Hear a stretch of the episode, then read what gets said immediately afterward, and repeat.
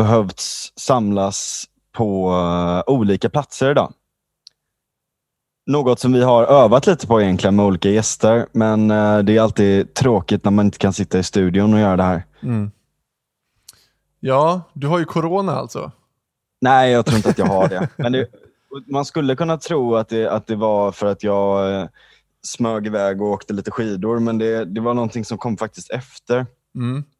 Att det var en, eh, en, en vän som vi träffade som har fått komplikationer efteråt. Och då får man fan, då får man ju sitta still i båten och ta det jävla lugnt. Ja, precis. Ehm, Men du känner inga Så. symptom eller så eller?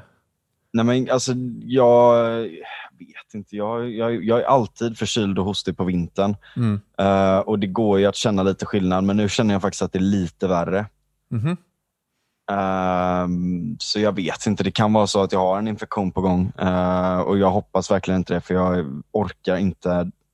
Jag, jag har haft det typ en gång tror jag. Jag är 90%, 99% säker på det. Mm. Eh, och ehm, det är jävligt segt om det blir så igen. Ja, precis. För jag, var ganska, jag var ganska sänkt i flera veckor. Alltså. Mm. Ja, vi får hoppas att det, inte, att det inte är någonting den här gången. Mm. Men har du fått Men- några reaktioner på förra veckans avsnitt då, när vi hade med Bard? Ja, det har varit många som har tyckt att det varit roligt. Ja. Eh, och vissa som har frågat varför i helvete vi tar med honom och sådär också. Eh, men det är ju kul att det väcker känslor. Ja, det är verkligen det. Det är liksom de två olika reaktionerna man får. Man får väldigt mycket reaktioner. Det är verkligen så här, väldigt många som säger "Ah, men fan vad kul att ni ha- hade med honom, det var ett väldigt roligt avsnitt bla bla. bla." Och sen är det de här, hur fan kan ni bjuda in honom? Hur fan kan ni prata med honom typ? Ja.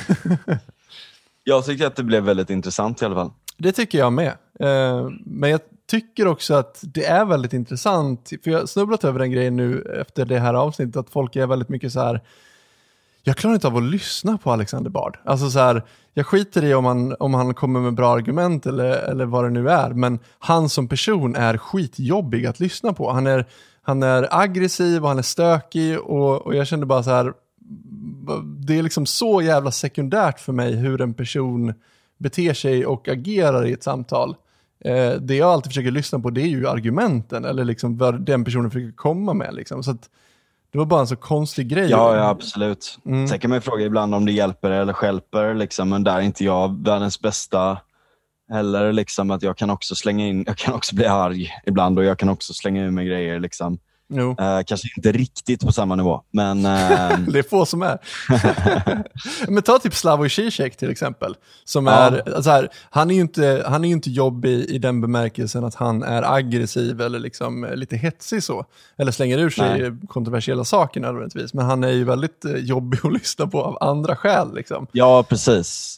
Men, men det får man ju liksom bara förbise det, för att det viktiga är ju liksom det han faktiskt säger, vad han faktiskt kommer med. Det är det man vill komma åt liksom, och förstå. Ja, ja, absolut. Och jag tycker att det är ganska kul personligen eh, med, liksom, med båda. Ja. Eh, att, att det är intensivt och det är mycket spår hit och dit och det går jävligt fort och sådär. Liksom. Mm. Eh, det är ju liksom ganska likt hur jag, hur min hjärna funkar också. Mm. Liksom. ja, verkligen. att jag gillar ju det. Mm. Ehm, men uh, nåväl, eh, idag ska vi också prata om någonting väldigt intressant. Ja, verkligen. det är inte Någonting första som- gången vi vidrör det här ämnet i podden, men det är första gången vi ägnar ett helt avsnitt åt det.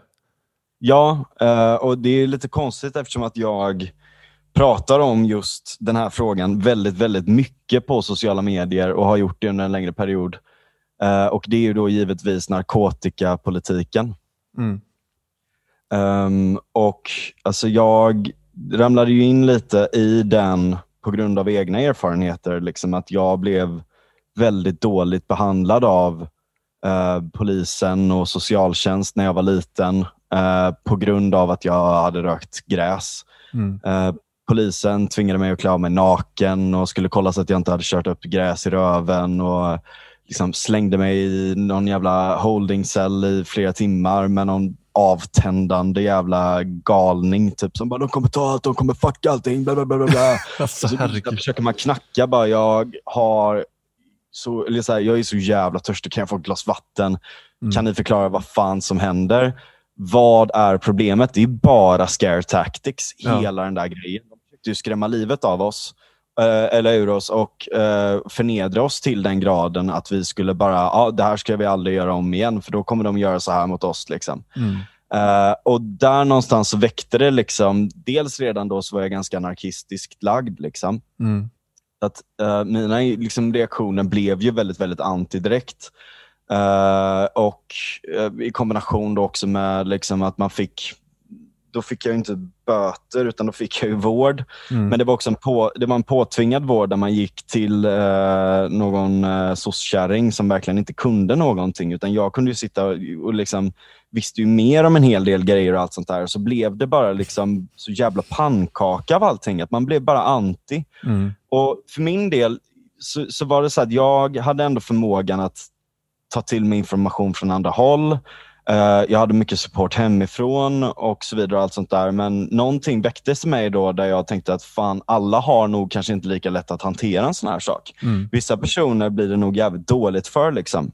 Mm. Och Sen så läste jag på mer och mer och mer och det hände också väldigt, väldigt mycket mer. Och Det här är alltså tio år sedan. Mm. Eh, nästan prick tio år sedan. Eh, och Sen dess har det hänt så otroligt mycket i hela världen. Ja, verkligen. Eh, Mm. Mycket mer forskning i frågan. Mm. Eh, typ både konsekvenser men också politiska konsekvenser och så vidare. och allt sånt där. Mm. Eh, det har hänt många, det har hänt väldigt mycket på olika håll där man har börjat avkriminalisera eller legalisera. Mm. Uh, du bara ta, ta snabbt där för de som inte vet skillnaden där. Vad är Ja, det är en viktig skillnad. Ja, det är en viktig skillnad. Vad är avkriminalisera och vad är legalisera? Ja, det kanske du kan svara på. Ja, alltså avkriminalisera som jag har förstått det, jag är inte lika passionerad kring den här frågan som, som du är. Jag tycker mer att det är en principfråga att folk ska få Mm. göra vad fan de vill med sin kropp. Klassisk eh, liberal, eh, klyschig inställning eh, kanske, men eh, det är väl min utgångspunkt. Men som jag har förstått det då, så får du väl rätta mig om jag har fel, men avkriminalisera, det- handlar mer om att man ska avkriminalisera för liksom, eget bruk och att det ska fortfarande vara ganska kontrollerat eh, i kontrollerade former så att säga. Medan legalisera är mer eh, att man släpper det fritt. Ja, precis. Alltså avkriminalisering är ju det är ju liksom, då brukar man ofta prata om avkriminalisering av eget bruk eller avkriminalisering av innehav. Eh, vilket innebär att du får antingen vara påverkad eller fortfarande ha rester i dig.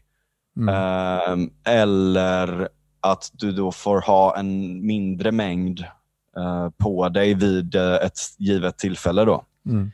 Eh, och Det finns ju lite olika sätt. Jag menar, Portugal har ju också en vårdliknande modell där, där man kan dömas till vård. Mm. Och, och sådär, Att man måste gå på ett mö- liksom något möte och kolla att allting är lugnt.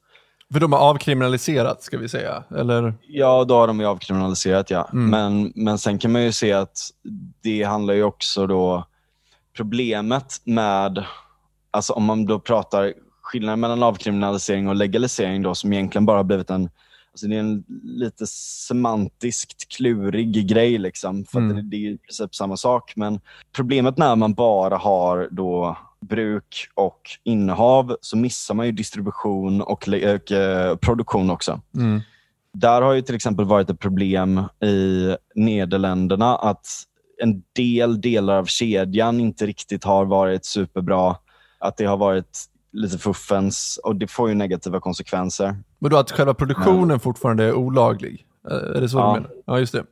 Kan jag tänka mig kanske inte föder så bra liksom, eh, resultat, eller vad man ska säga, i, i den bemärkelsen då. Om det liksom är kriminella som ska pyssla med det då. Jo men precis, det är ju liksom, eh, jag måste bara dubbelkolla här. Though retail sales are tolerated, production, transportation and bulk pros- eh, possession of mari uh, marijuana outside of retail stores is illegal, preventing testing for contaminants and dosing. Mm. Alltså, och det här är ju ett väldigt, väldigt stort problem i allmänhet liksom, när det kommer till exempel till cannabisfrågan. Att vi har ju på grund av, alltså även i de områdena där det har varit liksom, avkriminaliserat i viss mån, även om det inte är fullt legaliserat och så vidare, så har det varit att då har det fortfarande funnits de här problematiska strukturerna som har kunnat gynna den organiserade brottsligheten. Mm. Och Där kommer man in på legalisering då, för då handlar det om att hela kedjan ska vara laglig och kontrollerad. Mm. Alltså att man kontrollerar marknaden runt det hela. Och Det brukar i folkmun då kallas legalisering. Mm. Där kan man säga att eh, där avkriminalisering av bruk och eh, innehav och sådär är kanske mer en fråga om att man inte ska få straff bara för att man tar droger, utan man ska ha möjlighet att få hjälp och allt sånt där. Mm. Så handlar ju legaliseringsbiten väldigt, väldigt mycket om de ekonomiska strukturerna runt, runt om, vilka det är som tjänar på det, men också vilka preparat som väl kommer på marknaden. Mm. Man brukar säga att eh, cannabis var inte samma sak som det var när eh, våra föräldrar var små. Typ, Mm. Eller under, under liksom 70-talet och allt sånt där. Det är helt rätt. Att cannabis har, eh, man har liksom gjort selective breeding på det för att ta fram extremt högpotenta varianter med väldigt, väldigt höga halter THC. Då Mm.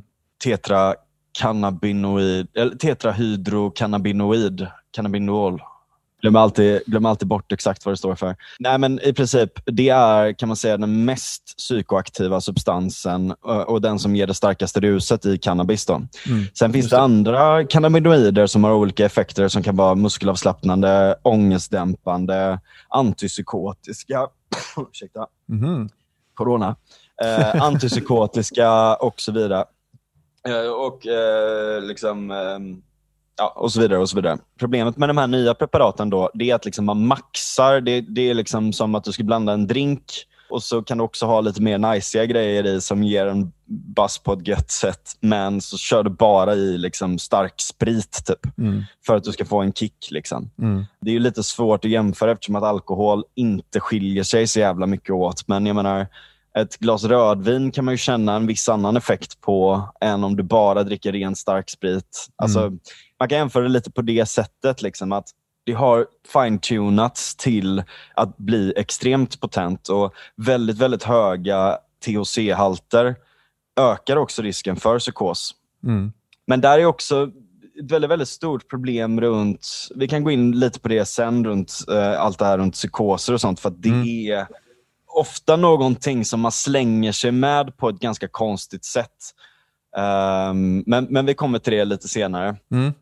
Först och främst, då, så här, här, här har man ju möjligheten, om man legaliserar då, så har man ju möjligheten att kunna ha bättre cannabinoidprofiler och eh, mindre THC och i allmänhet bara skapa liksom, eh, vad ska man säga, ett mer behagligt preparat att, eh, att röka eller att äta.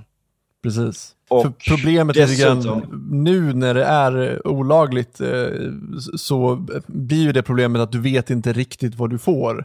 Du vet inte riktigt vad du köper eftersom du måste Precis, köpa det kan vara från- superstarkt eller så kan det vara ganska svagt. Ja, precis. Och dessutom just nu så på grund av att det har varit så stora, det har aldrig varit så många tillslag på de här ringa narkotikabrotten. Men även väldigt mycket tillslag mot, eh, mot försäljning och större tillslag och sådär som det har varit under 2020. Mm. Resultatet av det har dessvärre blivit att man har tagit liksom gammalt, gammalt lager av liksom ganska lågpotent gräs som man har sprutat på spice och, och dessutom glaspartiklar då, som ska likna de här THC-kristallerna eller trikomerna. Mm. Och för att det ska väga mer och sådär också. Så att det ser mer högpotent ut, men det är glaspartiklar liksom, Ja, som, som kan skada lungorna. ja. Och Det här är någonting som har gjorts i eh, Storbritannien och sådär tidigare också. Och sen då, eh, och det, och det är ju liksom då för att dryga ut allting. Mm. Eh, och för att de, när man bara lämnar marknaden till de här personerna som kanske inte har den högsta moraliska standarden så kan det lätt bli så här tyvärr. Mm. Eh, att det inte finns någon form av kontroll och reglering överhuvudtaget. Liksom.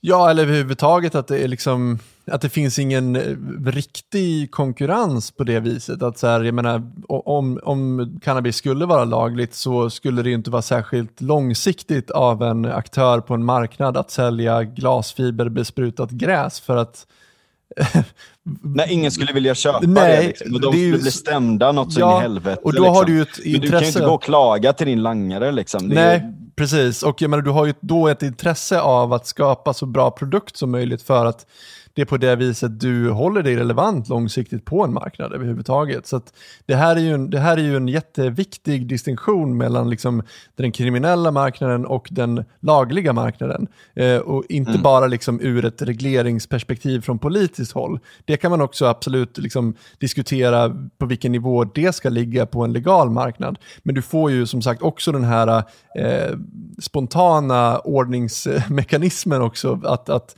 att kunder vill ha en viss produkt eh, och du, det, liksom, det finns en lönsamhet i att faktiskt leverera en bra produkt i det då i sådana fall. Ja, exakt. Och det är ju det man vill åt, delvis då, så att vi inte hamnar i de här situationerna. Och med cannabis så är det en sak. Ibland så kommer de här sakerna upp.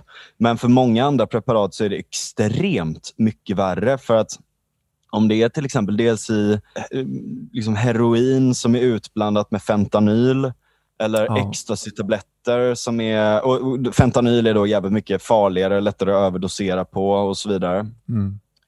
Eh, Det kan vara ecstasypiller utblandat med PMA som är livsfarligt om man kombinerar det med alkohol. Mm. Det har jag faktiskt sett hända en gång med liksom dåliga knappar som har sålts då. Mm. Eh, Och en person som eh, mådde väldigt, väldigt dåligt av det. Mm. Och så det, det, här, det är inte så att det är liksom vad ska man säga, det, det, här är inte något så här spekulativt, liksom, utan det här är verkligen, det är så här det är. För att vi kommer inte komma ifrån det faktum att människor vill ta droger. Nej, precis. Jag ska bara sticka in det också, att det är också en, en, en sak att du vet ju inte hur, hur potent eh, drog du får överhuvudtaget. Jag menar, det är ju som att du skulle köpa alkohol, en flaska sprit liksom, och så vet du inte om den är eh, 10% eller 100% liksom. Men, och det får du Exakt. inte veta på för, förrän du har liksom druckit ett, eh, ett liksom halv, halvliters glas. Liksom. Då, först då märker du liksom, hur Ja, potent det precis. här är. Så det är ju potentiellt helt livsfarligt att ha en eh, oreglerad marknad på det här Ja. viset. Bara av den Sen är det ju så att många av de här, alltså många av de här preparaten kan ju liksom tas ut av andra preparat. Alltså att man kan liksom, eh, vad ska man säga, cancella ut effekten då genom att ta ett annat preparat. Till exempel om du överdoserar på heroin så kan du ta Naloxon som stoppar en eh, överdos. Mm. Eh, och sådär då. Och det man har sett i de, de ställena då som har till exempel brukarrum Mm. är att absolut eh, överdoser förekommer. Också väldigt mycket på grund då av att försäljningen är, det är liksom utblandat med skit eller utblandat bara med utfyllnadsgrejer eller research chemicals som är bara du vet, folk som sitter i labb och kokar ihop lite nya grejer som de testar. Mm. Eh, som inte har liksom, det har inte genomgått en tillräckligt lång testperiod för att kunna vara helt säkert. Då, Ja, liksom. precis. Såklart. Eh, Så det kan ju vara liksom utblandat med allt det där, men i de här brukarrummen, till exempel i Danmark, där dit folk kan gå och där det finns kompetent personal som, är både, som både ger närhet till liksom vården eh, och eh, till terapiverksamhet och allt sånt där, så kan de också eh, gå, gå in om de märker att någon tar en överdos. Mm. Ehm, så att, jag menar, det är inte som att det inte finns medel till att hjälpa till mot de här sakerna, utan det handlar ju bara om en politisk vilja. Mm.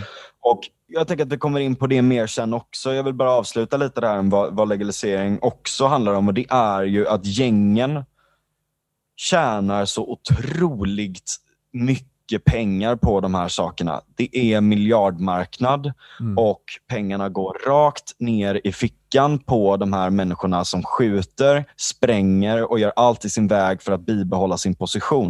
Mm. Och Där är ett jävligt stort problem för att när det kommer, alltså jag menar, när, när, när det inte finns en vanlig konkurrens utan det bara handlar om människor med extremt mycket våldskapital som kan tjäna väldigt, väldigt mycket pengar och som inte räds att döda för att få de pengarna. Då, det är då vi får de här skottlossningarna och de här sprängningarna och alla de här sakerna. Mm. Och jag menar, säg att polisen gör ett extremt stort tillslag ute i Biskopsgården eller sånt där. Då har du helt plötsligt ett maktvakuum också. Där Mm. nya aktörer kan träda in och försöka bråka om den marknaden. Och Det kan Mm. skapa enorma konflikter.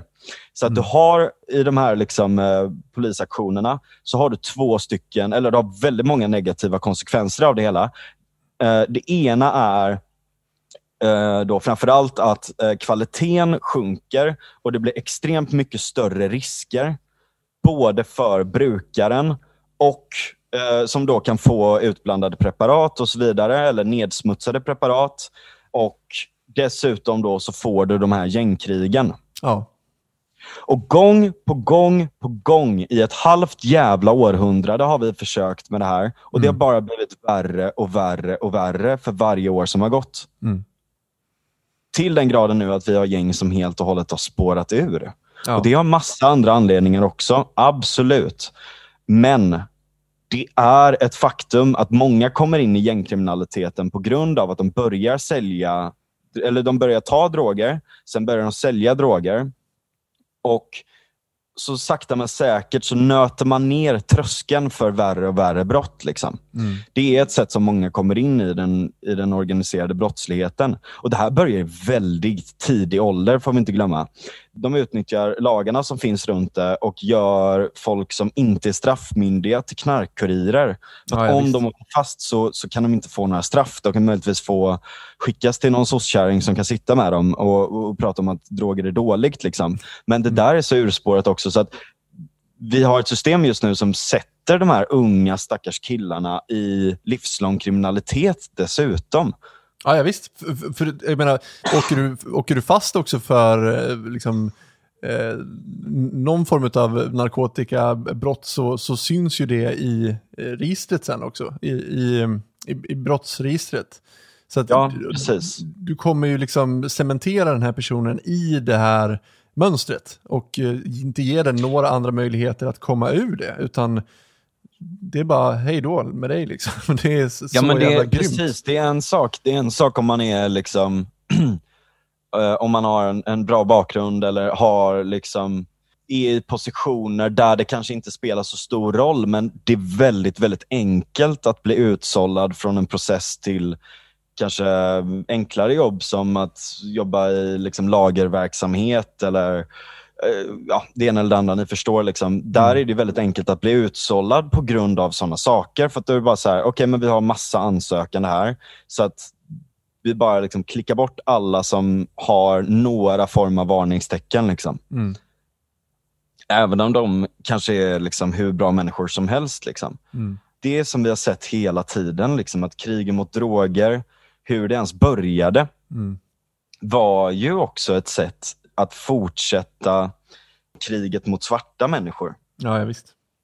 Och mot mexikaner och dylikt sådär också. Det är därför man kallar det, det är därför det kallas marijuana. Mm. Det var liksom ett på, alltså cannabis, cannabis sativa och cannabis indica är ju de två främsta sålda eh, varianterna av cannabis då, som är namnsatta av Linné.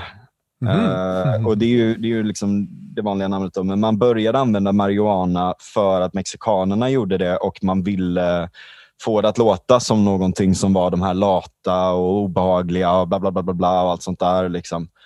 Eh, och så blev ju det eh, ett svepskäl att, att plocka in svarta framförallt då, för att man satsade ju framförallt på att eh, i, i liksom svarta områden på att eh, få fast folk Mm. in i det här bizarra jävla du vet, privata fängelser, slavarbete i princip. Liksom. Det är en förlängning av slaveriet där. Ja, ja. Man fick bort svarta människor från gatan och satte in dem i slaveri igen på grund av ett påhittat brott där Mm. det enda offret är den som då möjligtvis har rökt cannabis men har gjort det självvalt och inte tagit så jävla stor skada av det. Liksom. Mm. Så att, jag menar, hela grunden till det är bisarrt. Liksom. Och det, var också, det satsades väldigt mycket från alkohollobbyn på att man skulle förbjuda det här, för att det var ju såklart ett substitut eh, till alkohol som man inte ville ha på marknaden. Mm. Hampa var också på den tiden eh, och är fortfarande ett väldigt, väldigt kraftigt material som man kan bygga saker med, göra repa av allt, av allt möjligt och sådär också. Mm. Där fanns det också väldigt, väldigt stark lobbying mot det här för att man då eh, såg eh, restprodukterna. Alltså, dels så kunde du ta blommorna och sälja dem som rusmedel och så kunde du ta restprodukterna och göra jättestarkt material av det. De såg det som att det här kommer slå ut våra industrier Mm. och gaddade ihop sig mot det och, och skapade en helt galen historia om hur farligt det var. Mm. Och Det har ju även fortsatt i Sverige då, liksom under, under Nils Bejerot som Ja. är, det är liksom ren total pseudovetenskap från en galning. Mm. Som som vanligt i Sverige får alldeles för mycket inflytande. Jag vet inte hur fan Ja. det går till, men, men de mest galna människorna får ju lätt väldigt mycket inflytande i Sverige. Jag vet inte hur det går till. Exakt. Det är fan så. Det är bisarrt. Liksom. Mm. Nej, men han hatade bara knarkare i princip liksom, och ville få bort dem till all- alla priser. Det var han som myntade ordet knark, Mm. för att det knarrade om tänderna när folk hade tagit amfetamin. Mm. Men då stegrade ju det här kriget upp i Sverige då också och runt om hela världen också. Det har ju varit väldigt, väldigt lång process av allt det här. Mm. Och det har fått exakt samma konsekvenser som när man försökte förbjuda alkohol. Bara mer långdraget för att det är flera olika substanser och det ena och det andra och det tredje. Mm. Den organiserade brottsligheten får extremt mycket resurser, kan bli väldigt stora Mm. kan utöva extremt mycket makt. Det var så de här liksom, maffian blev stor, på riktigt verkligen, i eh, New York. Mm. Alla de här jävla gangsterfilmerna med liksom, eh, italiano så, så här, vet, som Ja. pratar liksom den här babbidi boopidi eh, amerikanskan. Liksom. Många av de här byggde ju sina imperier just på smuggling, av al- eh, smuggling och produktion av alkohol och allt sånt där. Mm. Och Resultatet blev eh, också att man, eh, preparaten blev farligare. Det blev koncentrerat runt starksprit för att det är enklare att transportera. Mm. Likväl som vi har väldigt, väldigt starka droger i dagens läge som är enklare att transportera. Mm. Eh, för jag menar, om du har eh, lite dåligt gräs eh, jämfört med, en, liksom, eh, med fem gram av dunderpotent gräs så är det liksom väldigt mycket mer bang for the buck att kunna transportera. Jag tänkte faktiskt precis om- säga more bang for the buck och så bara säger du det precis. Ja, det var bra, bra associerat. Ja, precis. Och det är liksom lite samma sak där. Då lärde man sig inte en läxa, utan då trodde att man skulle kunna göra det. Och så har man bara fortsatt att traggla det och det har blivit värre och värre och värre. Och Sverige som har ett av de... Eh, alltså, vi satsar väldigt, väldigt mycket pengar på att jaga människor för de här sakerna och har väldigt, väldigt repressiva. Även om straffen inte är de mest repressiva så är liksom systemet runt om det väldigt, väldigt repressivt Mm. um, jämfört med resten av EU. Och, vi, och, och det är också väldigt så här, det är väldigt många sådana arresteringar som görs och den absoluta majoriteten av dem är ju folk som har antingen brukat eller har innehav. Alltså det är typ 90, 90 plus procent. Mm. Ehm, så det är ju bara en katt och råtta-lek liksom, som bara går ut över personerna som blir tagna. Mm. Och trots alla de här pseudovetenskapliga och rasistiska och fundamentalistiska hållningarna runt de här sakerna så lever ju många av de här myterna kvar fortfarande.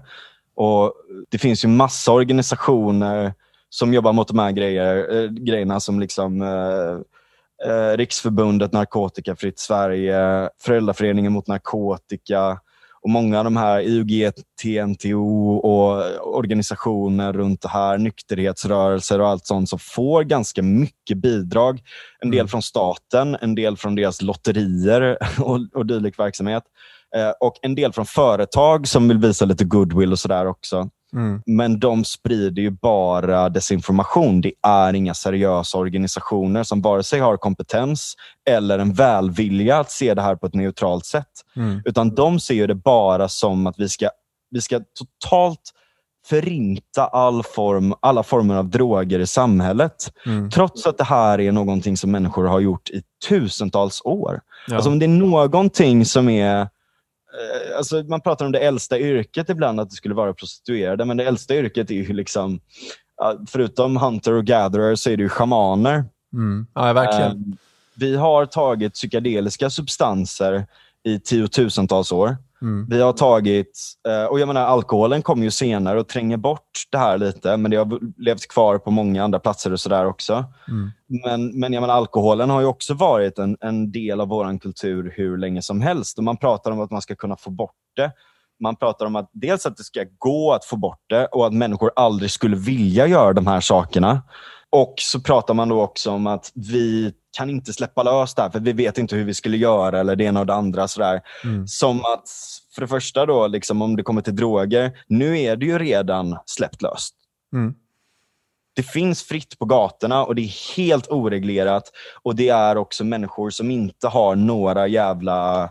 Som, som inte har så jävla bra moral som sagt, som säljer det. Mm. Och, och gör lite vad de vill. Det är ju snarare liksom det här en dålig form av anarki. Ja, precis. Ehm, så det handlar ju snarare om att kontrollera försäljningen som inte har gått att få bort. Ja, det här är så jävla konstigt att man har den här bilden och jag, jag har ju mina idéer vad det bottnar i, men, men att politiken på något vis måste vara, antingen är saker förbjudna eller så är de påbjudna. Eh, och Ja. är någonting liksom dåligt enligt politiken, då ska det förbjudas eller åtminstone beskattas på något vis. Liksom. Eh, det ska i alla fall straffas på något vis. Eh, och är någonting bra, då ska det ges subventioner och det ska uppmuntras att man håller på med det här. Vi kan liksom Ja. inte från politiskt håll förhålla oss neutrala till någonting. Inte ens om liksom, människors liv står på spel. Utan eh, då säger man liksom att ah, men skulle vi avkriminalisera eller legalisera eh, cannabis till exempel, då sänder det en signal till ungdomar att det här är okej. Och man bara, Ja. det, är inte, det är inte så saker och ting funkar. Men, men det är en väldigt, väldigt svensk idé och det skulle vi kunna gå in på också, men det skulle ta en timme för oss att göra det. Vi kanske ska göra det i ett senare avsnitt. Absolut. Eh, Men vet du vad det det är för någonting? Vadå? Det är ren jävla narcissism. De bryr sig mer om sin självbild och hur de pratar och vilka signaler de sänder ut och vad de står upp för, än den kalla råa verkligheten där Sverige har högst narkotikarelaterade dödsfall i hela EU. Där vi har fler och fler som prövar saker och dessutom kommer in på väldigt kraftiga droger. Och ja, alltså ett system som, där, där den organiserade brottsligheten har totalt spårat ut. Mm. De bryr sig mindre om att adressera de här problemen än hur människor uppfattar dem. Och Mm. vad de kan stå upp för. eh, alltså deras jävla egna klyschor om att de tycker att folk borde faktiskt sluta knarka. Mm. Alltså, Jag kan hålla med, man, man- kan hålla med om det. Alltså, så här, det, vore, det är väl klart att det vore en bättre värld om folk inte knarkade. Alltså, det jag håller inte med. Nej, jag vet att du inte håller med. Eh, och och jag, liksom, jag säger inte att det, det är något personligt mål för mig. Jag, jag lägger mig inte i andra människors liv på det sättet. Men jag kan sympatisera med den tanken. Att det är klart att det vore bättre om, om alla problem, om vi säger så, då, om alla problem som finns med droger inte hade existerat i samhället. Såklart. Men att, att tro att vi kommer kunna nå dit, det är ett utopiskt tänkande som är totalt livsfarligt. För att då, Verkligen. liksom, då får man tunnelseende och skiter i alla människor som faller utanför det här och liksom faktiskt faller illa på riktigt på grund av den här jävla politiken som man för. Alltså det, Mm. det, det, det är så jävla provocerande så det, är inte sant. Liksom. Man, man måste ju kunna Verkligen. deala med problemen som, som uppstår och någonstans liksom inse att vi kommer aldrig komma till ett samhälle där allting är perfekt. Utan vi måste deala med den verkligheten vi lever i. Och den verkligheten vi verkligen. lever i, den, där knarkar folk. Tyvärr, men så ser det ut. Ja, ja. Och det är det vi måste förhålla det. oss till. Nej, men, och jag menar inte att, eh, alltså, det, det är så lätt att tänka att så, här, okay, så du vill att folk ska ligga helt utslagna och missbruka heroin. Liksom. Det är klart att jag inte tycker det. Det finns massa olika preparat som vi inte, eller som vi verkligen borde jobba mot. Men då ska vi inte jobba mot människorna som brukar droger, utan då får man jobba med deras, eller som mot, alltså, mot deras problem eller med deras problem. Liksom. Att, Ja, så här, okej, men vad är det som sätter folk i en sån situation där de gör de här sakerna? Det är psykisk ohälsa, det är utanförskap, eh, det är eh, en jävla massa, det kan vara liksom PTSD, det kan vara att man har börjat ta smärtstillande, inte kunnat sluta genom den här vanliga vårdvägen. Mm. Antingen på grund av att du är fast på någonting annat samtidigt. Eh, för då, om du liksom, säger att du röker gräs under tiden, då, då kan de pissa dig på det och då förlorar du hela skiten. Liksom. Mm. Då kickar de ut dig liksom, för att du måste vara helt 100% drogfri och Mm. bara göra det här. Alltså, det är så många såna här... Det är liksom, hinderbanefascism kan man ju lugnt säga. Ehm, Och att- att fundamentalism, är liksom, som vanligt. fundamentalism är det. Mm. Att, att, att liksom puritansk syn på människan, att man ska liksom blåsa ut allting från den. Och om den vågar göra någonting som sticker ut lite, då får den skylla sig själv. Liksom. Det är Ja. helt sinnessjukt. Det är bara signalpolitik av galna fundamentalister. Det måste synas. Liksom. Mm. Eh, Ja, exakt. Det är men- bara signalpolitik. Alltså att man, Ja, man, man, man kan liksom inte eh, förhålla sig pragmatiskt till det här. För skulle man göra det så skulle det sända fel signaler. Att man tycker att det här är Exakt. bra på något vis. Och alltså verkligheten är inte så binär. Men vår Nej. politik är så binär. Vår juridik är väldigt så binär. Eh, Ja. Jag, vill bara fortsätta där också. Anledningen Ja. varför jag sa att det var bra också, det som är bra med det. Alltså för det första så kan man ju se att liksom psykedelier, alkohol och så vidare har varit en stor del i civilisationsbygget.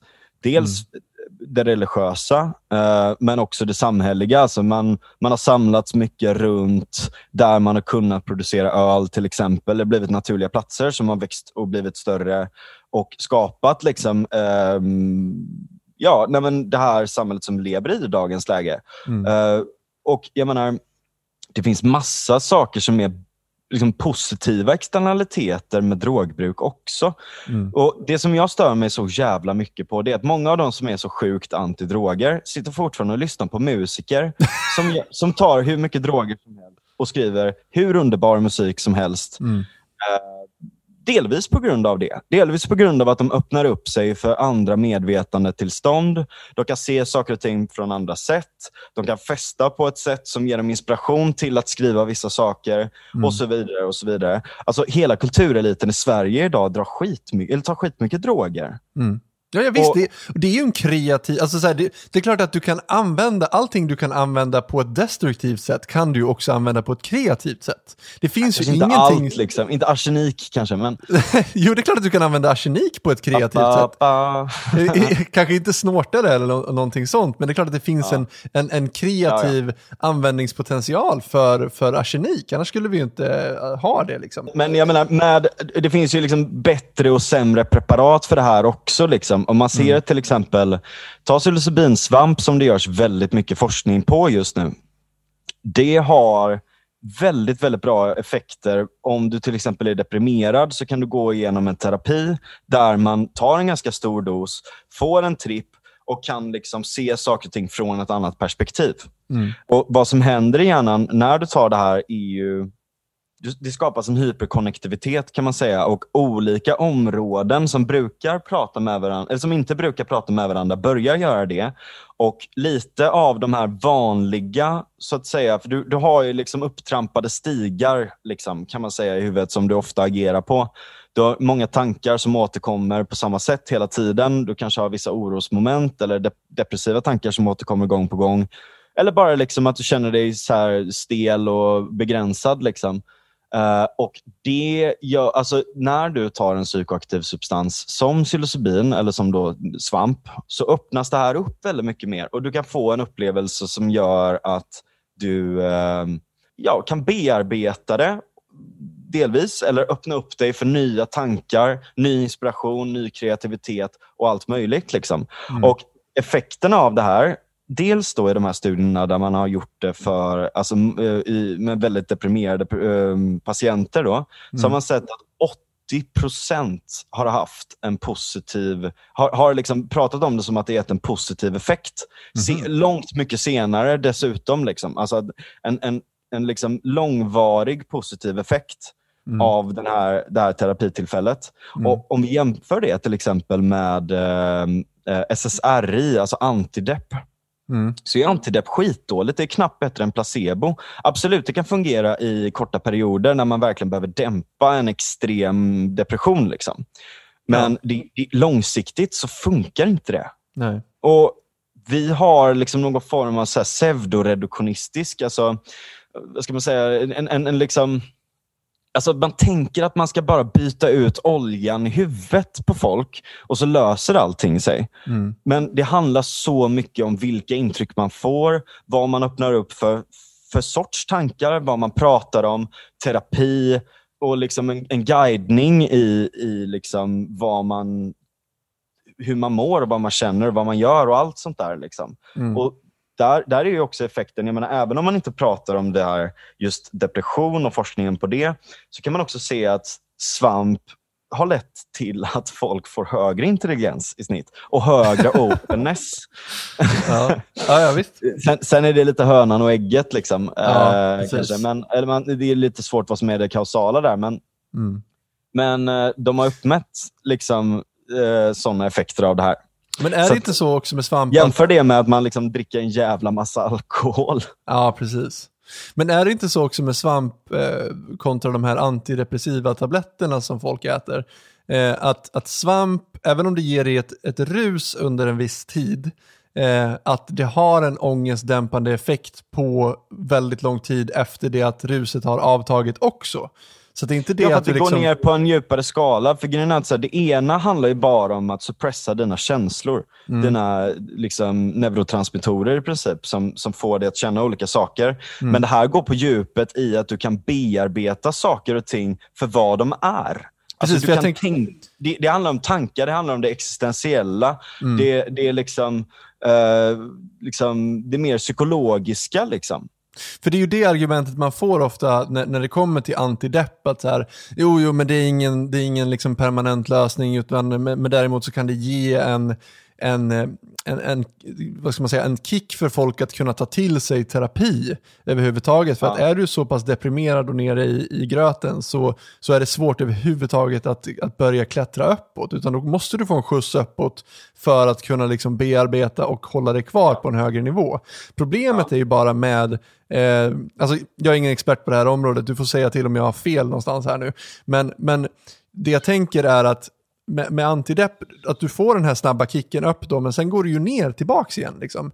Med svamp så får du ju en mer ihållande effekt. Och visst, den kanske Precis. inte håller i sig så pass länge så att du liksom kommer må bra resten av livet bara, bara för att du har käkat svamp en gång. Men det kanske Nej. håller i sig så pass länge att du faktiskt kan ta tag i dina problem li, li, på lite längre sikt. Eh, Ja. Så det måste ju vara så jävla mycket mer konstruktivt i sådana fall då.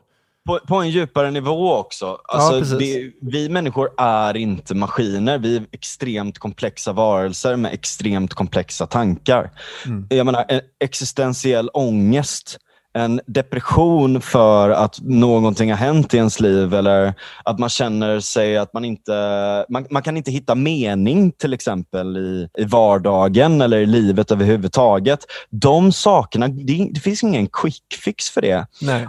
Men däremot så kan du, alltså, du kan få hjälpmedel för att kunna se saker och ting på andra sätt som gör att du kanske kan skapa mening åt saker och ting eller hitta mening i saker och ting. Mm. Ehm, och, och där har det uppenbarligen visats att det, visat att det funkar. Då, liksom. Mm. Sen är ju det här väldigt, väldigt experimentellt. Det kanske inte är alla som bör ta det. Om du har, eh, liksom, om du har en del eh, psykologiska sjukdomar och sånt där så kanske du är liksom i, du kanske du är labil och eh, en psykos kan utlösa sig och sådär. Liksom. Mm. Men angående det här med psykoser och sådär då, så, så är det liksom väldigt det är väldigt knepigt. Liksom, för att man pratar om det, alltså jag menar, ofta när man pratar om cannabis och sådär så pratar man att så här, ja, du röker en gång och så tror du att du är en apelsin. Typ. Det är en sån här gammal skröna som återkommer. Typ som eh, så här, du vet, någon som heter typ eh, Vivian eller någonting på, eh, på skolan eh, säger. Ja, precis. Starkt minne. Ja. Eh, och, eh, nej men liksom, eller så kommer det du vet, någon från eh, scientologerna och ska prata om hur de fick en psykos och, eh, och la la la la la och allt sånt där. Liksom. Så bara, mannen, jag fattar att du har en psykos, du är med i scientologerna. Liksom. Eh, men, men det är inte så att bara för att du röker gräs så hamnar du i en psykos. Liksom. Utan det är någonting som du har underliggande latent som kan utlösa sig. Liksom.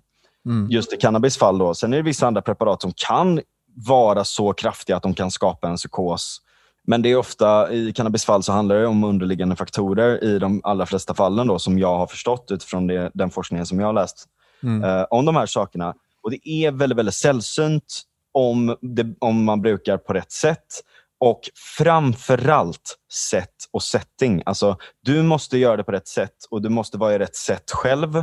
Mm. Och du måste vara i rätt setting, det vill säga du måste vara en miljö där du kan känna dig trygg, där du inte behöver känna dig paranoid, där du inte eh, liksom, tror, eller där, där du inte känner dig hotad på något sätt och där du är orolig för hur någon ska se dig eller allt sånt där. Liksom. För det kan leda till väldigt, väldigt mycket problem. Mm. Nyligen i Göteborg så stormade ett gäng poliser in i en lägenhet och en person fick eh, panik och försökte klättra ut genom balkongen för att han var väldigt påverkad och fick då liksom någon form av liksom extrem panikattack eller liksom som angränsar det psykotiska och försökte liksom, Åh, vad fan ska jag göra? Jag får klättra ut då. Liksom. Mm. Och jag menar så här, Man är påverkningsbar om man är extremt påverkad och man inte är van vid det. Men mm. jag menar, om hela systemet är uppbyggt på att polisen kan komma och misshandla dig och förstöra ditt liv när som helst bara för att du tar de här sakerna. Det är klart att det kommer bli värre. Mm. Ja, och den här det förstör killen, eh, så fruktansvärt jävla mycket. Liksom. Och den här killen som vi pratar om nu, han dog väl? Han ramlade väl ut för, från balkongen? Han ramlade ner och dog. Ja. Ja, ja det är för jävligt alltså.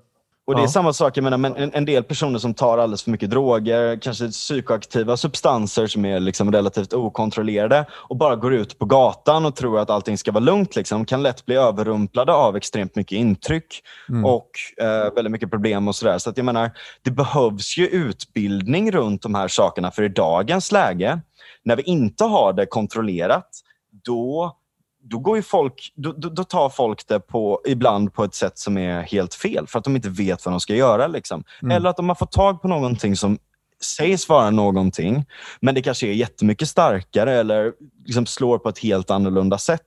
Och Då mm. kan folk inte hantera det. Liksom. Och Dessutom så är det liksom all, all, allting som liksom benämns som cannabispsykoser och allt sånt där kan ha andra effekter också. Det kan vara en person som har missbrukat under en längre period, har ett väldigt skört psyke av det och sen säger, ah, vad har du tagit ikväll? Jag har bara tagit cannabis. Okej, okay, det är en cannabispsykos. Det finns mm. en del problem med statistiken runt det här. För att mm. vi tillåter inte statistik att föras på ett seriöst sätt runt de här mm. sakerna på grund av att det är kriminaliserat. Ibland kan du inte ringa, du kan inte ringa ambulans utan att bli anmäld för narkotikabrott själv. Om du misstänker att din, äh, din polare mår skitdåligt eller till och med håller på att ta en överdos och så vidare. Och så så att mm. hela systemet är ju upplagt för att, man, att, att liksom settingen runt det hela är lite um, svår från första början. Liksom. Mm. Ja, och det får ju sina resultat det här kan man ju också säga. I, i statistiken. Ja. Vi har väl den högsta narkotikadödligheten i hela Europa, i Sverige. Ja. Kan, vi inte, kan vi inte höra lite vad Damberg sa om det här? Det var ju en eh, debatt eh, nyligen och eh, det var lite snack om att jag kanske skulle vara med, men jag var inte ett tillräckligt stort namn så att, eh, då fick några andra eminenta personer ta min plats istället. Ja. Eh, men, eh, men kan vi inte bara spela upp liksom? Jag, jag har klippt ut en liten grej här som jag, funder, som jag har funderat lite grann på. För jag såg, det var ju den här debatten den tionde eh, februari. Eh, Sverige möts, Sverige möter, mm. eller vad fan heter den? Det är väl ja. debatt med Belinda Olsson, det är väl det klassiska. Det är ungefär det upplägget. Ja, precis. Som de har haft nu i, i, flera år. De har bytt namn på skiten. Ja. ja men i alla fall. Eh, och jag kollade på det här och eh, ja, man, man, blir ju fundersam alltså. Eh, så här sa eh, Damberg då, som fick en väldigt, han var med väldigt kort under programmet. Men eh, ja, sa han. Det finns definitivt en möjlighet att vi kan minska användningen av narkotika i samhället. Det har vi visat genom att minska användningen av alkohol i samhället, minskningen av tobak i samhället. Men det område vi inte har lyckats pressa tillbaka är narkotikan. Och då ska man vara, inse också att det är en liberaliseringsvåg som går i många länder där man har en aningslös, tycker jag, hållning till narkotikan. Ja, precis. Alltså, och här är han så fruktansvärt dum i huvudet och obildad i den här frågan och utbildad och obildad i den här frågan, att han säger emot sig själv. Lyssna exakt på vad han säger. Han säger, vi har lyckats göra det med alkohol och tobak. Ja, exakt. Alltså, han har ju rätt i det han säger. Alltså, alkoholkonsumtionen sjunker stadigt och, och det gör ju även rökningen. Då. Och det har det ju, alltså, när det kommer till rökningen så har det ju sjunkit sen, sen vi hade piken efter andra världskriget. Delvis det förmodligen, men, men vi kan Framför, konstatera... Sen, det är ju en global trend såklart, men Sverige ja. har ju väldigt, väldigt få rökare, framförallt väldigt få manliga rökare jämfört med andra länder. Mm. Och det är på grund av snus. Förmodligen. Alltså jag, jag, jag, kan inte säga till 100% att det är så, men jag, jag, är nog benägen att Det är den starkaste hålla... faktorn om vi jämför med andra ah, ja. länder och om vi jämför systemen med andra länder ah. och eh, ser, okej, okay, vad är det som skiljer Sverige? Jo, det är snus. Det ser inte mm. samma effekt hos kvinnor för att de snusar inte lika hög eh, eh, andel. Då. Men Precis. framförallt hos män. Då. Exakt, men om vi säger då att vi, vi ger Damberg rätt här då, att, att liksom, det är politiken som är orsaken till att rökning och alkoholkonsumtionen går ner. Då kan man ju fråga sig, liksom så här, om målet är minskad narkotikakonsumtion, för den går ju uppåt nu, och den har mm. gjort det under väldigt lång tid, under de här lagarna som vi har kring narkotika. Om målet är minskad narkotikakonsumtion, varför förhåller man sig inte på samma sätt för narkotika som man gör för tobak och alkohol i sådana fall? Han säger ju helt, Exakt. han säger det rakt ut här att deras politik funkar inte. Ut. Deras politik funkar inte, det är uppenbart. Ja, ja det är full, fullkomligt bisarrt. Liksom. Jag tror ärligt talat, eh, alltså, efter att ha varit i den här frågan så länge, att politikerna bryr sig inte om den. Alltså, de vill inte ens alltså de vill inte ens sätta sig in i problematiken och det minsta. Mm. Och därför så säger de bara, vi tror bara på nolltolerans, vi tror bara på att skicka signaler. Vi tror bara på att folk ska liksom sluta ta droger. Och här ser vi även Dambergs retorik, eller Dambergs retorik i, um, i liksom, runt det han då kallar partyknarkare. Ja. Att liksom, ja ja okej, okay ni har det jävligt roligt där borta ser jag, ni partyknarkare. Men har ni tänkt på att de intäkterna går till organiserad brottslighet? Ja, vet du vad din dumma jävel? Det har vi fan tänkt på. Kan vi legalisera så att de intäkterna kan gå till skattemedel som mm. kan gå till att hjälpa folk som har problem med det. Som gör att polisen kan lägga sina resurser mer effektivt på att bekämpa gängen som dessutom är eh, väldigt försvagade för att de inte har intäkter från narkotikaförsäljningen längre och göra det på ett sätt där det kan vara safe för människor. Ja. Det, farligaste, det farligaste är ju kvaliteten på drogen, eller om den är utblandad eller inte. Och att pengarna går till organiserad brottslighet. Och I princip i sin retorik så erkänner de det. Ja, ja visst. Men de och det förstår är, inte själva. Det som jag blir provocerad av, av just det här citatet vi spelar upp, det är ju den andra delen.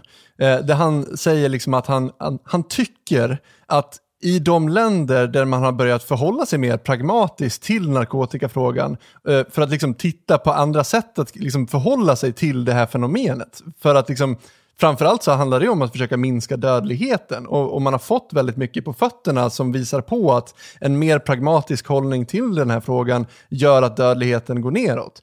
Allting ja. tyder alltså, på att det är det som är... Nu är FN för det här. Ja, jag vet. Så långt Exakt. Att liksom... Och så här, vilken jävla politiker i världen eh, liksom skulle våga, skulle ha balls att utan vetenskaplig förankring eller några bra argument överhuvudtaget gå från en strikt narkotikalinje eh, till att bli mer liberal. Varför skulle man göra det? Nej, det är klart som fan att man har jättemycket som tyder på att det här är rätt väg att gå. Och då sitter ja. den här jävla Damberg och säger att det här är en aningslös eh, inställning.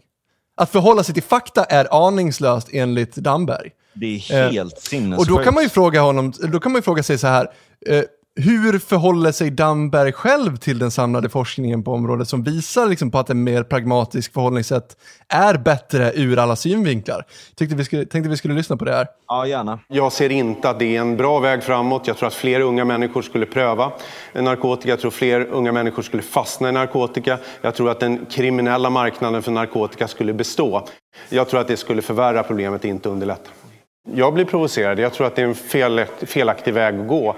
Samtidigt som vi inte tror att den svarta marknaden försvinner. Jag tror att det är ett experiment. Jag tror det kan leda till ännu större problem i framtiden. Så att, okej. Okay. Han sitter alltså och tror. Och, ja. och, och, och, det är, och det är det här man ställs inför. Alltså, så här.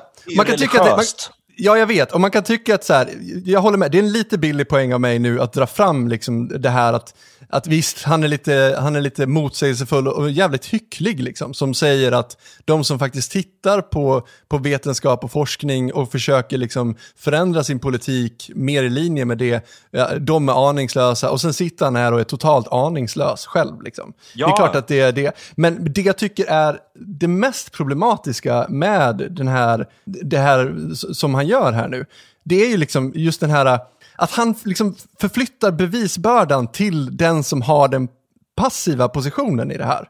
Alltså, tänk så här. Tänk dig att, tänk så här du och jag, Frans, vi bestämmer att vi, vi ska åka ner till Malmö. Och så mm. kommer jag hämta dig med bilen och sen säger jag till dig så här att jag vet åt vilket, hall, vilket håll Malmö ligger åt. Och så börjar jag köra. Och sen efter någon timme eller två så, så märker du att fan vad bergigt det är. Fan vad, det börjar bli kallt ute också. Det här ser fan inte ut som Halland och Skåne liksom. Vad, ja. Är du säker på att vi är på väg åt rätt håll här?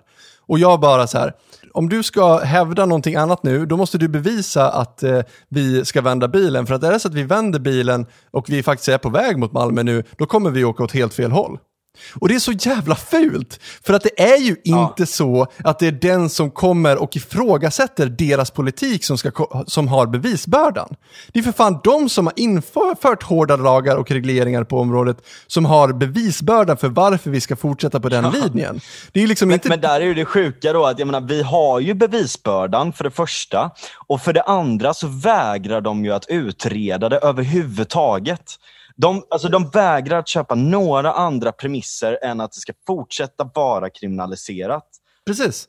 Och det är liksom, det är det här, ska man ha en debatt på SVT på det här viset, Dambergs jävla uppgift där, det är att belägga att vi ska fortsätta på den här linjen.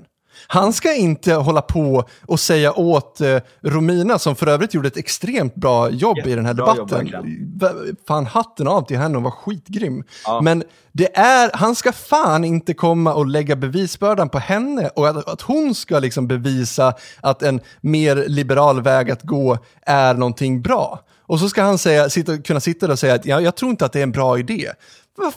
Bevisbördan är fucking på dig. Du ska belägga varför vi ska hålla på så här. Framförallt när allting bara blir värre och värre också. Precis. Det, ja. verkar ju, det verkar ju som att det börjar bli väldigt men jag, alltså, jag har inga problem, jag förstår det principiella, men jag har inga problem med att bevisbördan kan ligga på oss heller. Men å andra sidan så måste man ju då kunna utreda det för att göra det här. Alltså, mm. jag menar, anledningen att, liksom, nu har man ju börjat testa att göra det för det, det, blir en, här, det blir en sån paradox som blir väldigt, väldigt bekväm för dem. Som kan vara så att uh, de lägger bevisbördan på oss samtidigt som de vägrar att tillåta någon form av sätt att motbevisa dem genom experiment eller utredningar. Och så fort man bara tar upp så okay, men de här andra länderna har gjort det, det har gått bra, bla, bla, bla, bla, allt sånt där. Ja, det är ju andra länder, det är ju inte Sverige. Okej, okay, ska vi testa det i Sverige då? Nej, det hade varit ett farligt experiment. Liksom. Och du vet, så här, det, det, de, de bara går runt i en jävla labyrint och gömmer sig liksom, för att deras luftslott runt det här håller på att falla ihop. Och mm. Det innebär också att de kommer att ha mördat en jävla massa människor i onödan. Eller ja, låtit människor dö Precis. i onödan. Eh, och dessutom svält upp en, en uh, gängbrottslighet i onödan. Liksom. Precis, och där håller alltså, jag med det är Damberg. Så jävla... Det är ju liksom, ja. det, det, det, här är en fråga som man absolut inte får förhålla sig naivt och aningslöst till. För det här handlar om Nej. människoliv i slutändan. Så det här är extremt ja. viktigt att vi vet vad vi håller på med och för en politik som är konstruktiv, som kan leda till de bästa resultaten som, som vi kan få. Precis. Och där är det ju, alltså, om, man, om man bygger vidare på det perspektivet, liksom, eh, som inte bara handlar om skademinimerande för folk som redan missbrukar, utan man även ser till att de allra flesta personerna som brukar droger de brukar det rekreationellt. Det är inte missbruk, utan de tar en lina en gång i månaden eller de, eh, de röker lite gräs på helgen istället för att dricka massa vin. Eh, eller de kanske tar en, liksom, käkar svamp en gång i halvåret eller tar MDMA på en vacker eh, sommarkväll där det är ett rave ute i skogen. Typ. Mm. Det, det, är liksom den absoluta majoriteten av folk som dro tar droger tar det på det sättet. Liksom. Mm. Eh, och för de människorna, jag, om, man, om man nu ska prata om så här, okay, men ska legalisera alla droger då? Jag vet inte om det är bra att legalisera exakt alla. Det bör utredas. Liksom. Men mm. däremot så bör man också utreda, eller rättare sagt forska på, går det att få fram bättre rekreationella droger? Om vi nu mm. kan erkänna det här faktumet att människor tar droger och att det inte kommer att försvinna Alltså istället, om vi, istället för det här jävla experimentet vi har haft i 50 år som bara gjort saker och ting värre, hade lagt tid på att tillåta forskning på bättre rekreationella preparat, då hade vi antagligen varit i en mycket bättre position i dagens läge. Ja, Dessutom hade vi haft en jävla massa pengar som vi hade kunnat pumpa in i vården och allt sånt där under tiden. då. Mm. Och jag menar, det är ju helt bisarrt att man ska tro att alkohol på något sätt skulle vara den allra bästa drogen som finns. För mm. om man ser till modern och relevant forskning så stämmer ju inte det.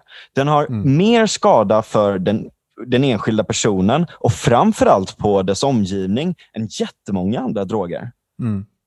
Men ja, ändå absolut. så är det det man ska hålla fast vid. För att då säger man så här, ja men det vi hade gärna tagit bort den här också. Vi, hade den kommit idag så hade inte vi legaliserat. Ja, men den har inte kommit idag. Den har funnits så länge mänsklig civilisation har funnits. Mm. Vad är det här för någon dum jävla diskussion? Alla de här andra sakerna, cannabis till exempel, psilocybin, finns också liksom jättemånga, eh, liksom jättelångt tillbaka liksom, eh, nedskrivet eh, eller nedritat om hur man har haft ritualer runt det.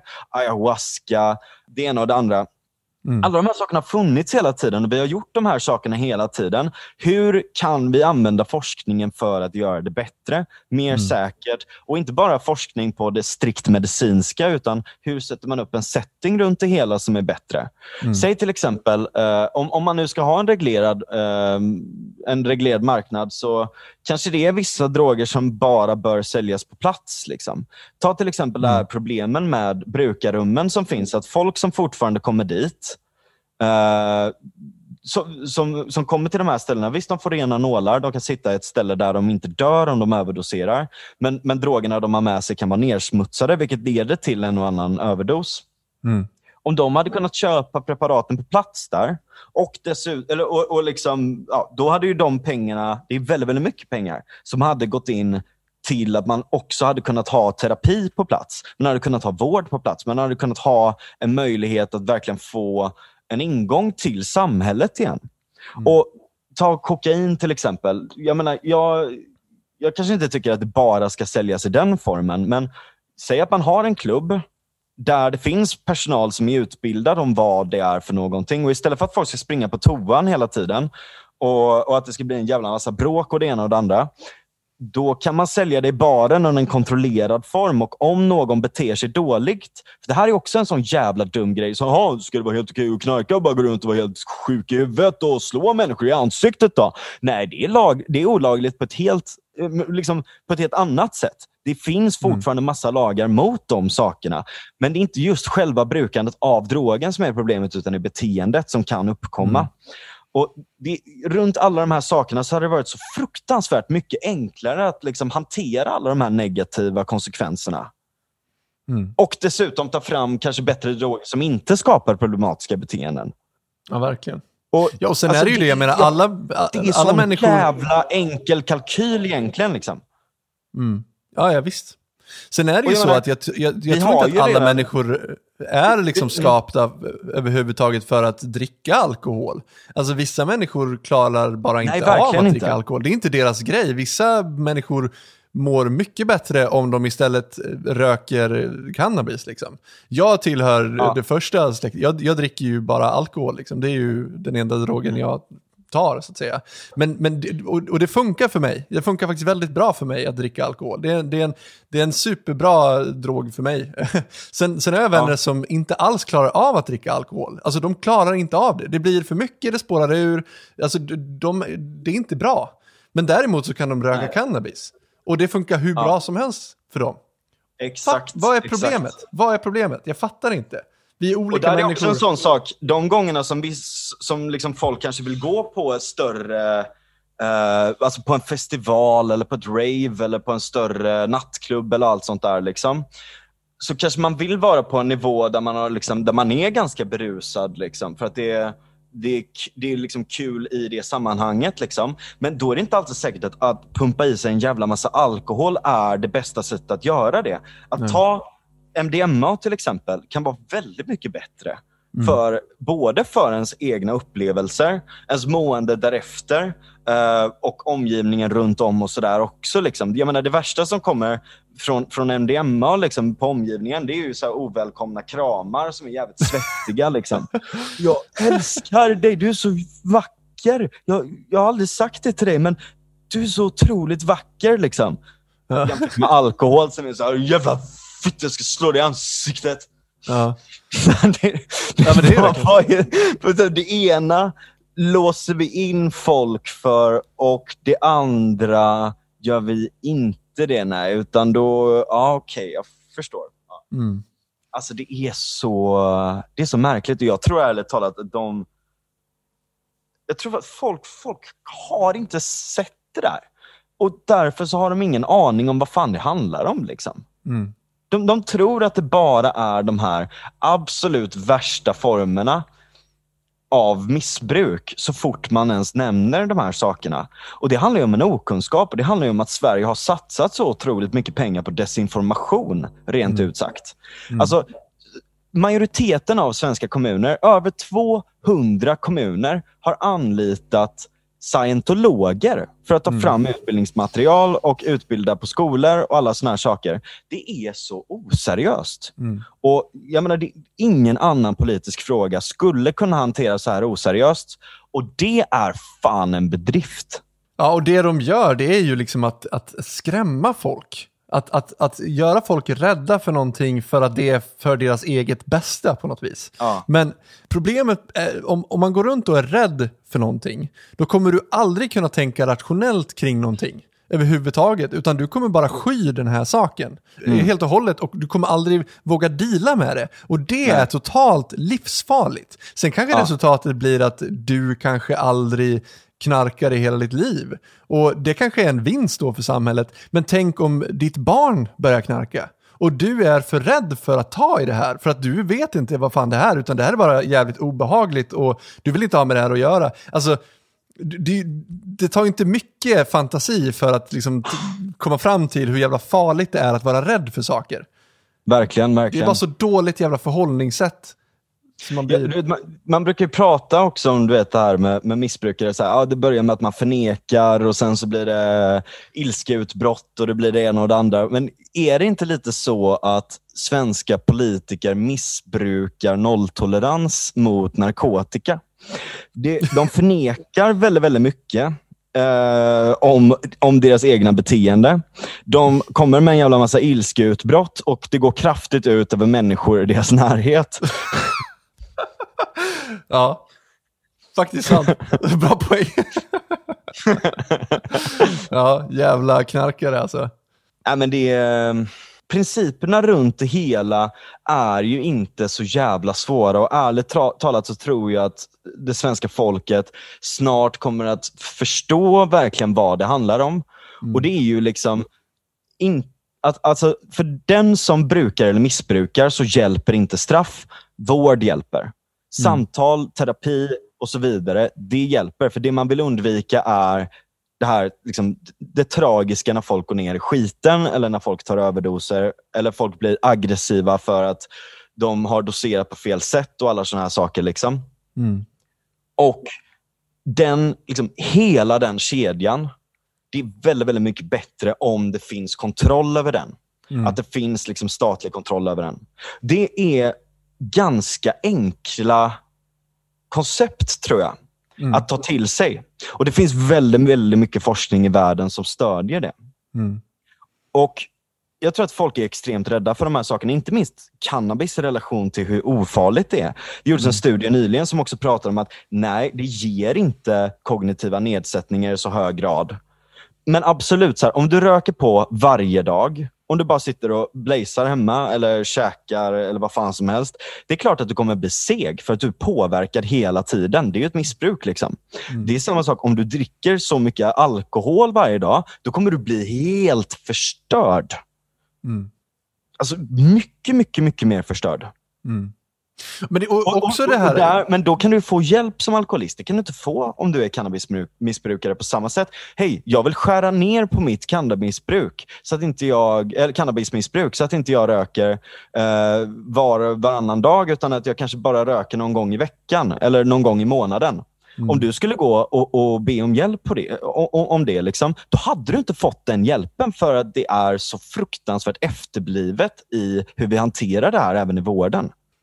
Ja, men också den här idén om att så här, eh, argumentera att det, att det är farligt eller bla bla bla. Det är helt sekundärt för att det, det finns ingen liksom, självklar Eh, linje att dra mellan att bara för att någonting är farligt så måste det vara olagligt. Det, det är inte alls en självklarhet.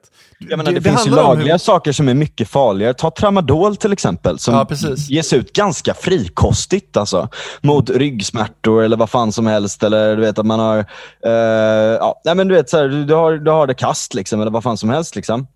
Det kan vara skitsvårt Alltså jag, jag, känner flera stycken som har liksom fått det och haft problem sen efteråt. För att det är en extremt beroendeframkallande drog, både fysiologiskt och psykiskt. Mm. Som, som verkligen sätter sig på dig. Och det är lagligt och det ges ut hipp som happ. Liksom. Mm. Det är ett mycket, mycket större problem. Ja, verkligen. Men vad, vad är vägen framåt ur det här skiten? För det, det, spelar ju uppenbarligen ingen roll hur mycket man debatterar det här och diskuterar det här. Sossarna kommer alltid förflytta bevisbördan till, till eh, den som vill legalisera eller den som vill avkriminalisera. Eh, och vi kommer liksom ingen vart. Eh, de vill inte utreda det här, de vill inte titta på det här. Det kommer liksom inte ske överhuvudtaget. Alltså, jag tror sossarna det, kommer jag, inte jag ändra tror att det är att syna dem, att syna deras argument gång på gång på gång på gång. Varje jävla tillfälle som ges. De ska inte få stå och prata om de här sakerna ostört och fortsätta ljuga för mm. att behålla sin egen heder. Det är det det handlar om. Det här är mm. long game och det handlar om att bara pumpa ut forskning om de här sakerna. Och jag har faktiskt, jag måste erkänna att det har rört sig väldigt, väldigt mycket. Man, man kan, man, det kan kännas som en vägg, men sen jag började prata om de här sakerna för sju år sedan, så har det hänt väldigt, väldigt, väldigt mycket. Mm. Nu till exempel det här senaste SVT-avsnittet så börjar allting med att framea att svensk narkotikapolitik inte har fungerat. Liksom. Mm. Och De tar upp dödstal, de tar upp att folk äh, testar i högre utsträckning och att gängkriminaliteten har exploderat och blivit hur stor som helst. Mm. Alltså, en sån framing hade inte funnits, det, det, fanns inte för några år sedan. Liksom. Nej, nej, visst. Om man kollar intelligensien, alltså jag har folk som hör av sig till mig och säger, du, jag... Um, alltså så här, jävligt smarta, högt uppsatta personer som hör av sig och säger så här, du, jag... Uh, jag tyckte inte så här innan, men jag måste erkänna att liksom, statistiken talar sitt tydliga språk. Uh, och du har haft rätt. liksom. Mm. Uh, och, och, jag menar för mig, så här, det handlar inte om så här, jag har haft rätt och ni har haft fel, bla bla bla, bla, bla allt sånt där. Liksom. Uh, men sen så har det ju liksom, jag menar, någonstans har det funnits en intuition för att det inte har funkat på väldigt många olika ställen i världen. Liksom. Och den intuitionen, när man väl har testat, då har det blivit bättre. Det har inte blivit perfekt, för världen är inte perfekt. Alkohol är långt från perfekt i mm. dagens läge också. Ah, jag menar så här, vi har massa olika saker, även liksom fetma. Det är också ett missbruk. Det är inte heller perfekt, men det blir bättre och bättre. Det är skademinimering, medan mm. dagens politik är skademaximerande. Mm. Ja, verkligen. Ja, det, det, har du verkligen en poäng alltså. Men det jag blir störd på det är att SVT fortfarande har en, liksom en verkar, verkar som att de har en, en soft spot för eh, regeringen. Och det har de alltid haft. Sen, tycker jag, sen kan jag hålla med dig om att de har blivit bättre på det. Att de har framat det på det här sättet det är ett klart framsteg mot hur det hade sett ut för bara ja, 5-10 år sedan. Men mm. alltså, bara, att de inte synar Damberg i sömmarna mer här, utan de låter honom komma undan med en sån enkel sak som att men du måste faktiskt belägga här. Varför ska vi fortsätta på den inslagna vägen? Det går ju bara sämre hela tiden, stadigt sämre. Ja. Fler, alltså fler och fler människor dör nu. Det här är en, det här är en, en epidemi som, mm. som ni borde fundera över om vi kan göra på ja. ett bättre sätt.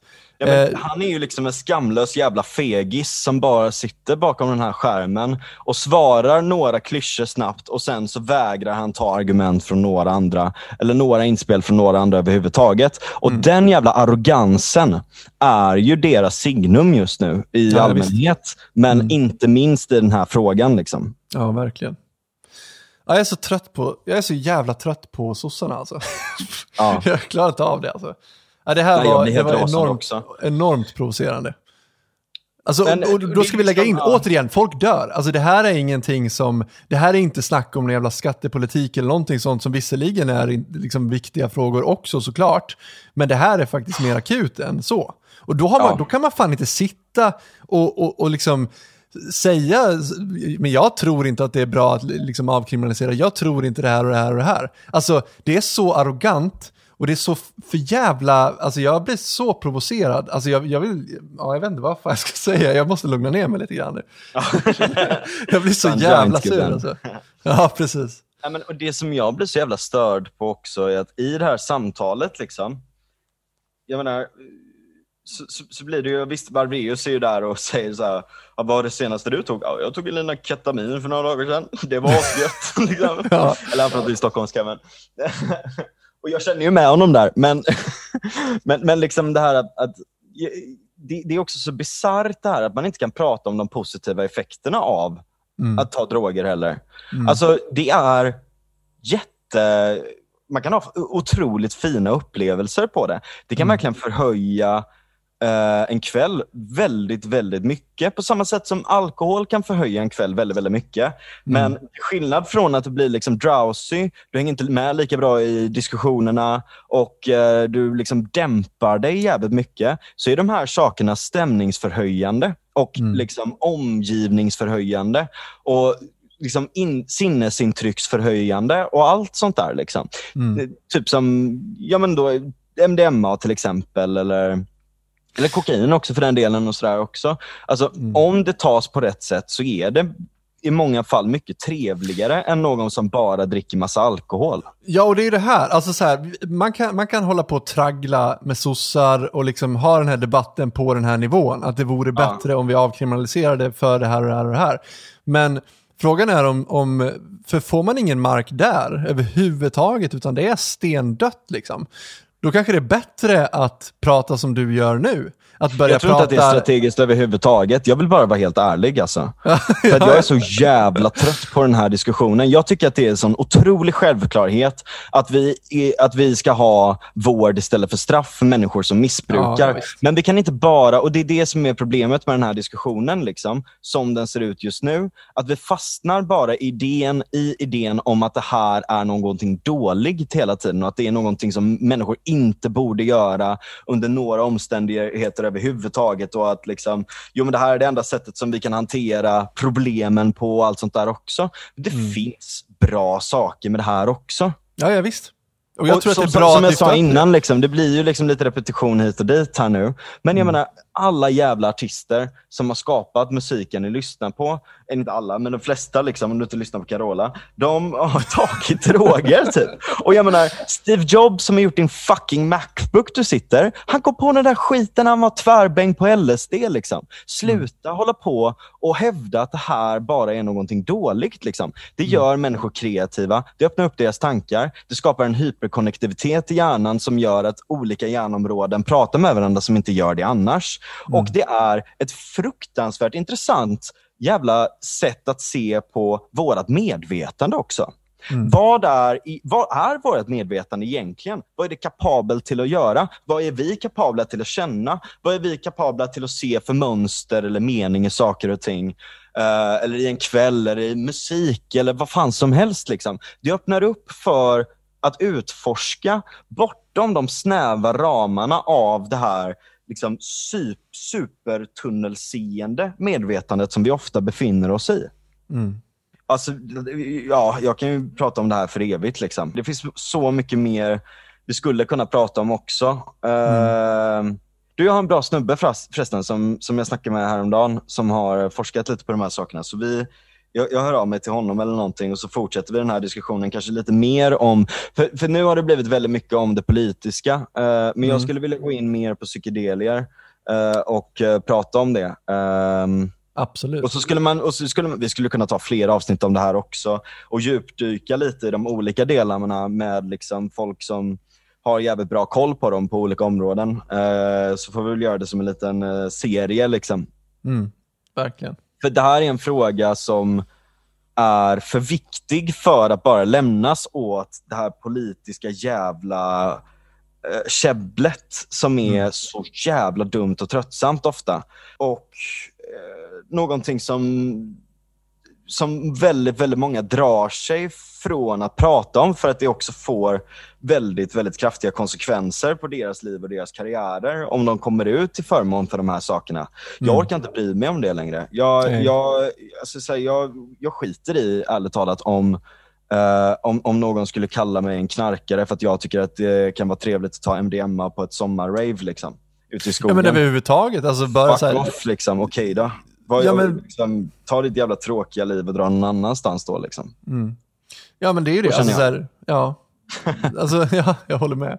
Men även för mig, jag menar jag tar ju inga droger alls, men jag är fortfarande för att liksom eh, ja. diskutera dem. Det här är, det här är seriöst, seriösa, viktiga frågor som man är alldeles för arrogant kring i Sverige och som vi ja. måste tänka om kring nu, för att det här handlar om, om liv helt enkelt. Ja. Eh, sen, sen är det klart att vi kan diskutera, eh, liksom, det du är inne på mer nu, liksom att så här, vad finns det för positiva effekter med droger och så vidare. Det är absolut någonting vi ska prata om också. Mm. Men första steget är ändå att liksom komma ur den här jävla arrogansen och, och ja. bli vuxna någon jävla gång i det här landet. Så trött ja. på det. Ja. Verkligen, verkligen. Vi, vi rundar av där helt enkelt och ja, så får vi helt enkelt inte, köra... Det var inte slutet på... Det på den här diskussionen. På slutet, det var slutet på början får vi säga. Precis, exakt. Ja. Jaha, men tack för den här gången. Ha det gött hörni. Ha det gott.